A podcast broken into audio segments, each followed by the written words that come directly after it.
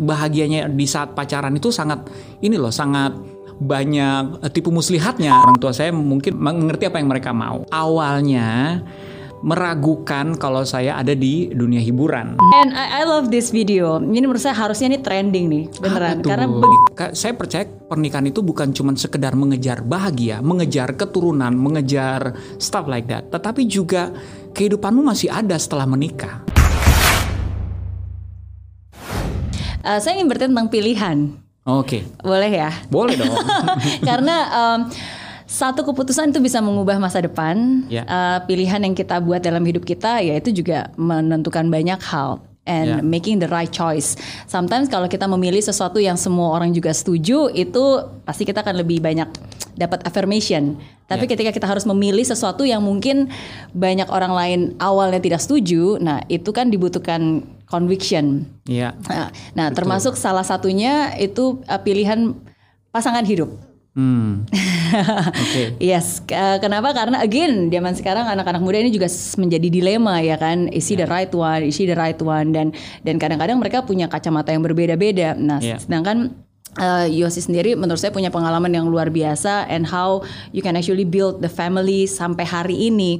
Uh, padahal di awal itu juga bukan pilihan yang mudah untuk uh, menikah dengan seseorang yang mungkin bukan um, apa ya, mungkin memang sebelumnya sudah pernah berkeluarga. Iya. Mm. Iya. How do you know that this is the right one and how do you convince uh, the rest?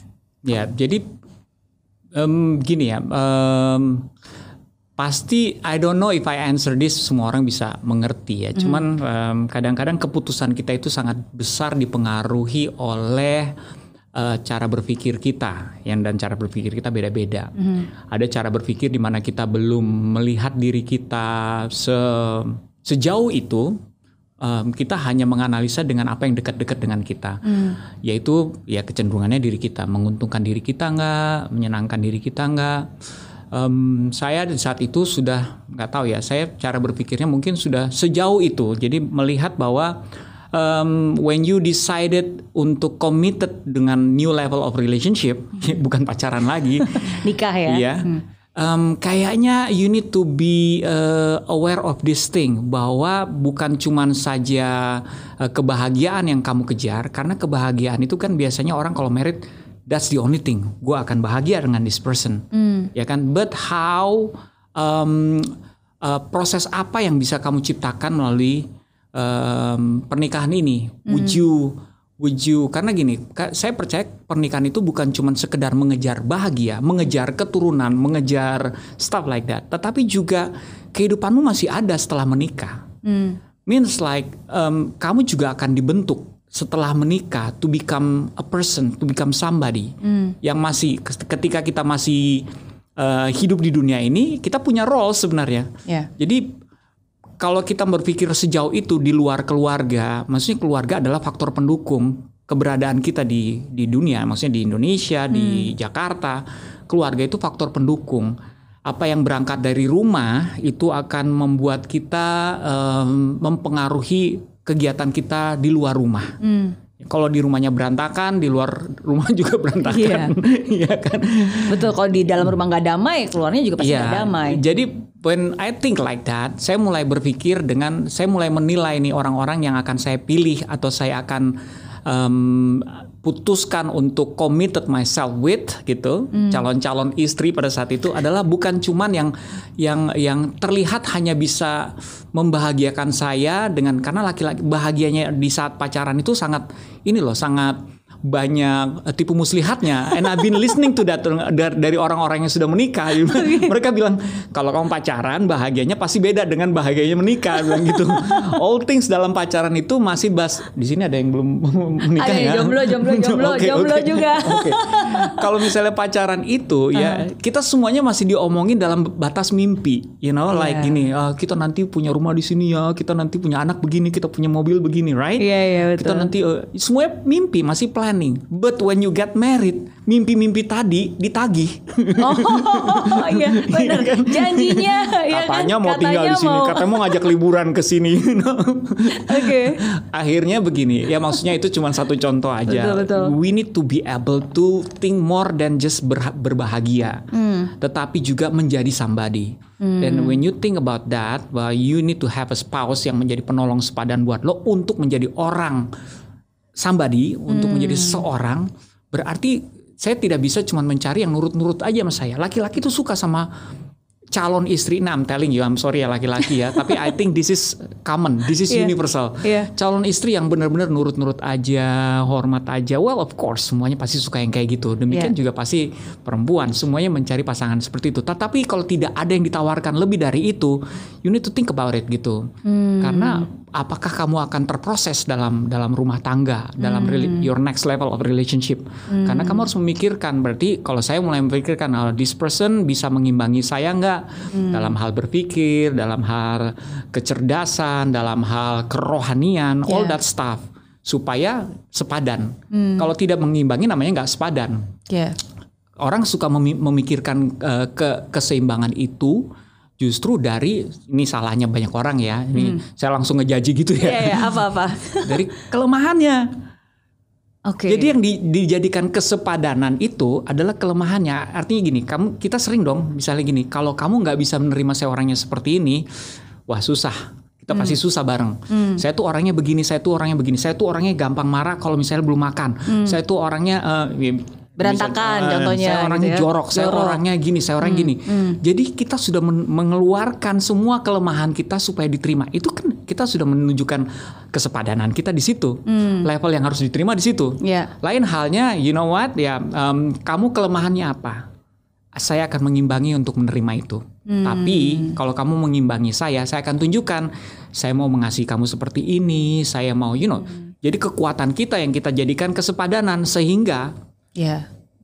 itu satu perhitungan kalau buat saya. Jadi saya saya perhitungannya ke sana. Oke, kelemahannya udah jangan dipikirin. Eh, calon istri saya kelemahannya nggak usah dipikirin. itu saya itu pelajaran saya untuk menerimanya. Iya, Tapi iya. bagaimana dengan kelebihannya? Kelebihannya ini Oke. harus saya saya lihat sebagai sesuatu yang bisa memproses saya supaya saya bukan saja berbahagia di rumah, Hmm. tetapi saya juga bisa berbahagia dengan apa yang saya kerjakan di luar rumah. Hmm. Jadi, makanya saya bilang terlalu jauh ya ketuaan saya di umur itu. No, tapi menurut saya itu again, maksudnya kalau di awal itu kita udah benar-benar punya pemikiran yang benar yang tepat dengan apa arti pernikahan dan apa yang ingin dicapai dari pernikahan dan fondasi-fondasinya lebih baik susah-susah di awal kita bikin syarat dalam tanda kutip syarat ya walaupun walaupun ada bilang cinta itu kan gak bersyarat. Tapi menurut saya cinta itu ada syaratnya. Dalam Betul. arti bukan hanya bisa ya udah modal cinta buta aja nggak bisa. Karena kan pada akhirnya ini sekali seumur hidup kan. Maksudnya pada akhirnya apa yang ingin Iya. di eh, hasil apa gitu dari pernikahan itu gitu. Jadi em, oke so karena memang sudah ada value-value sudah ada pemikiran sudah ada apa ya eh, poin-poin yang Iya. memang sudah dicari jadi em, ketika bertemu dengan seseorang yang sepadan apa pun kondisinya apa pun perkataan orang for you is fine Iya. Makanya eh, kadang-kadang kan kita tidak mau menjelaskan sejauh itu. Kadang-kadang orang suka nanya sama kita, aduh gue mesti ulang lagi nih menjelaskan sepanjang itu. Belum tentu dia juga setuju dengan pemikiran Betul, saya kan. betul, betul. Akhirnya saya selalu menjelas- menjelaskan dengan seder- sesederhana ini, Mer. You know it when you know it. Karena you know my values is sudah sudah saya sudah tahu apa yang saya mau. So when I say you know it when you know it, saya tahu ketika saya menemukannya karena saya sudah tahu oh iya ini sesuai dengan apa yang saya mau. Saya tidak perlu menjelaskannya sedetail tadi gitu. Hmm, betul betul ya dan at the end of the day ya eh, ya hidup kita sendiri yang menjalani Iya. kita bersama dengan calon pasangan kita dan pasangan kita ya Iya. Eh, dan walaupun memang pernikahan itu bukan hanya dua orang tapi juga melibatkan keluarga tapi pada akhirnya kan yang menjalani ya dua orang ini bersama Iya. gitu oke oke Em, and sekarang anak-anaknya sudah besar besar Sudah, sudah. yang pertama Raina Raina. Yes, namanya mirip Riana dan Raina, Oh, makanya iya, ingatnya iya, gampang. iya, iya. Oh. Dibandingkan mau kalu ya lebih susah ya. Mau kalu susah ini tuh lagi. Tapi ingat loh, tapi tadi gara-gara Yosi bilang mokal, Uh-uh, lu ya saya jadi inget Iya, lebih gampang. gam- lebih gampang kayak gitu. Lebih gampang gitu. Oke. Dan yang em, yang cowok Ruben. Ruben. Sekarang umurnya 12. Iya. Oke. Em, orang tua boleh dong punya cita-cita untuk anaknya. Boleh, boleh banget. Ah, terus Boleh. kalau dari Yosi sendiri apa nih harapannya untuk Ya, saya belajar dari diri saya dulu. Orang tua saya mungkin mengerti apa yang saya mau, Mhm. eh, apa namanya, mengerti apa yang mereka mau. Mereka tuh sebenarnya tidak awalnya meragukan kalau saya ada di dunia hiburan. Mhm. Makanya mereka sempat nanya, "Kak, "Are you sure? Kamu kan lulusan hubungan internasional." Zaman dulu orang tua saya berpikirnya sederhana. Kita bisa loh, eh, kita punya kenalan di Deplu, kamu bisa masuk Deplu, coba aja karena hubungan internasional, ya kan?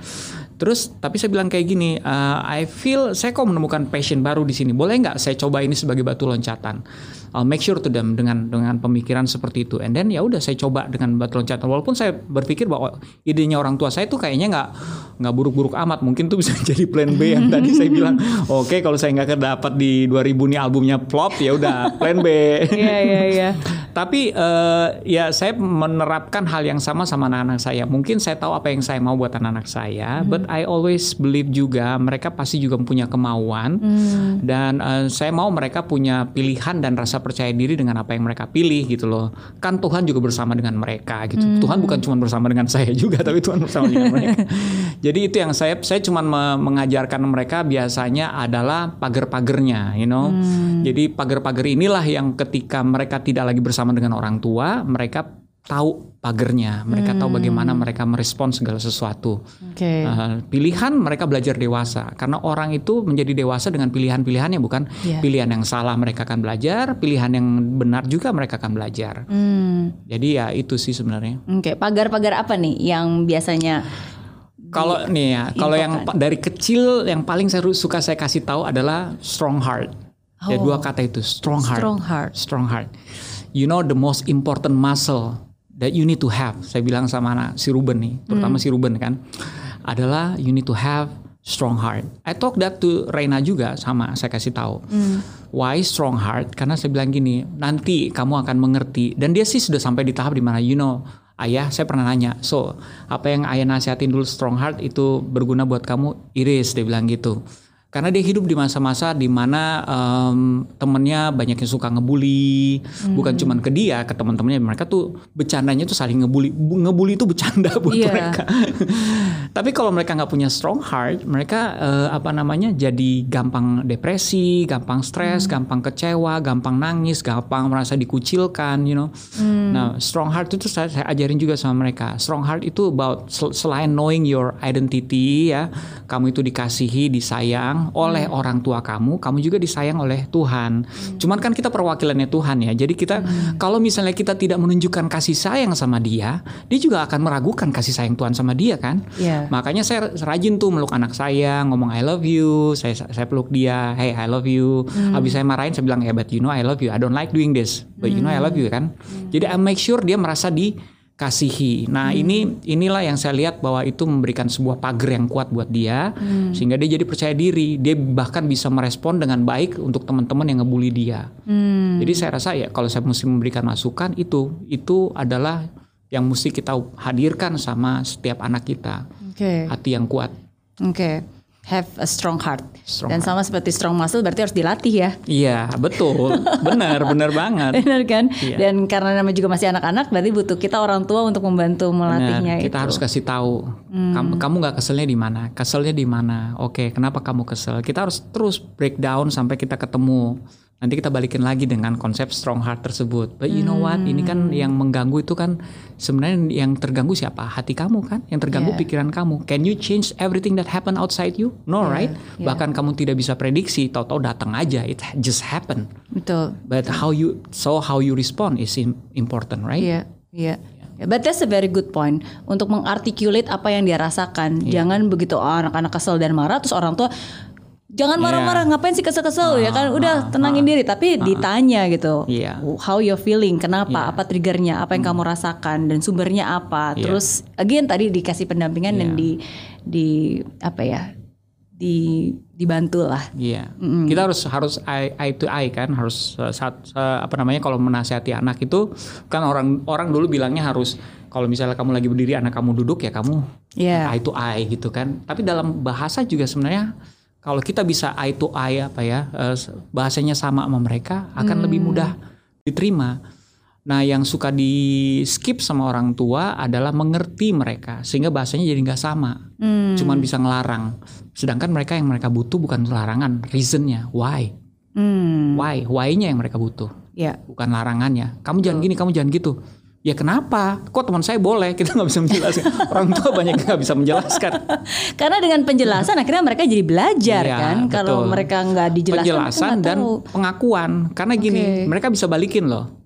Kamu jangan main gadget mulu gini-gini.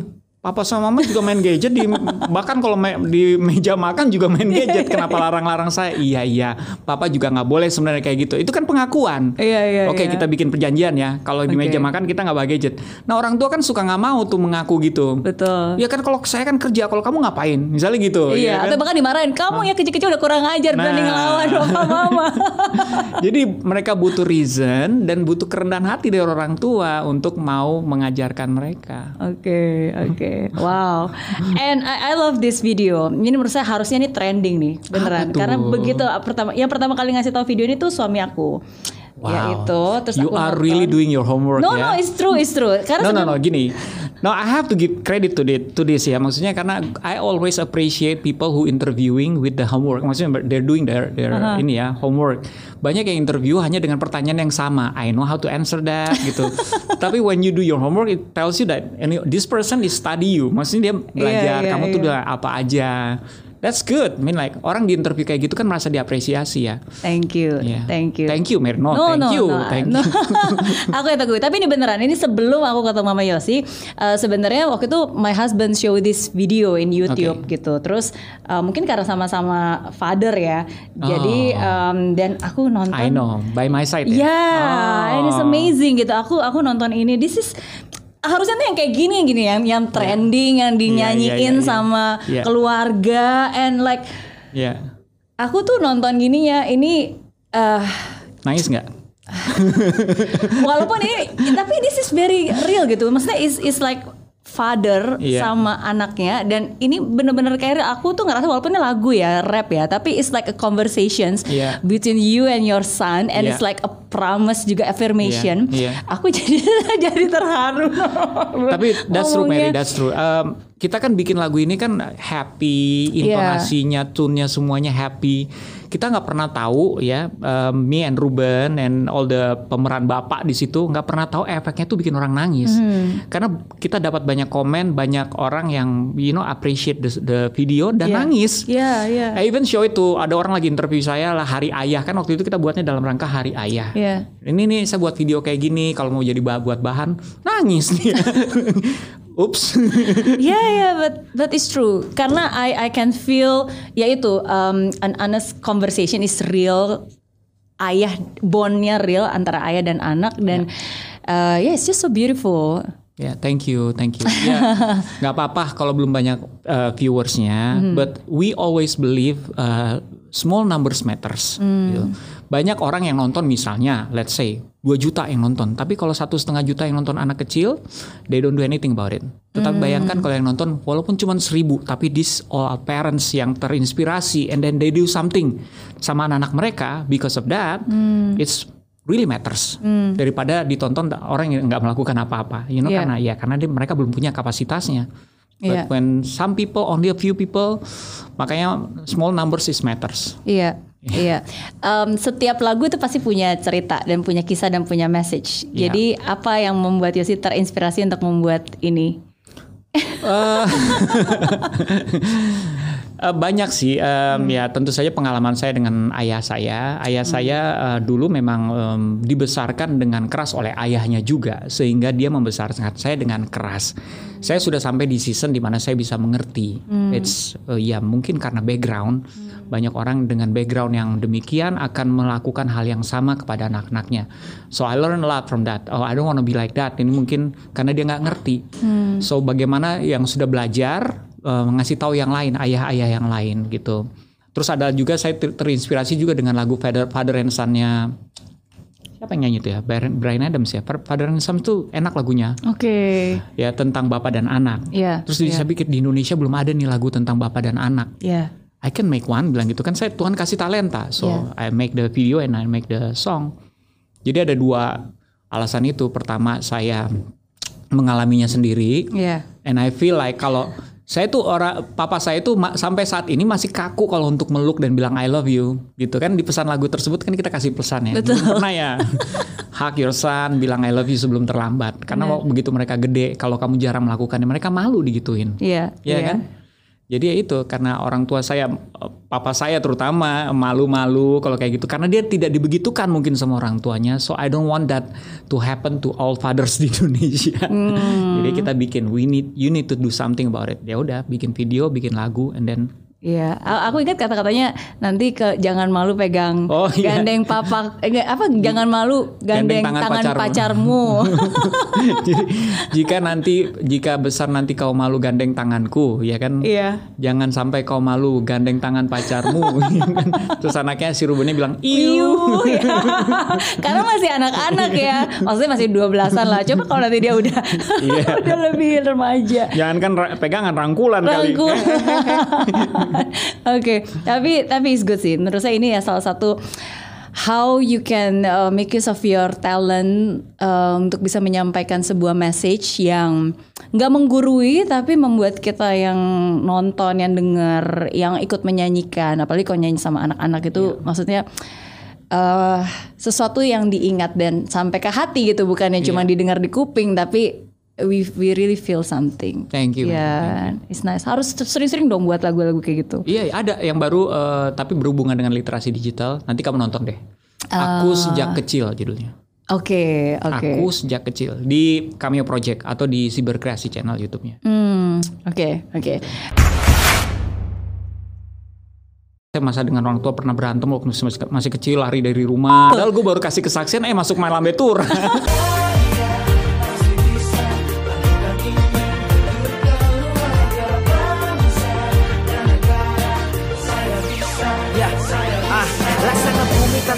hujan, hidup tanpa tujuan, kering dan mati tanpa hijaunya tumbuhan. Ah, demikian kala mimpi tak kunjung terjadi.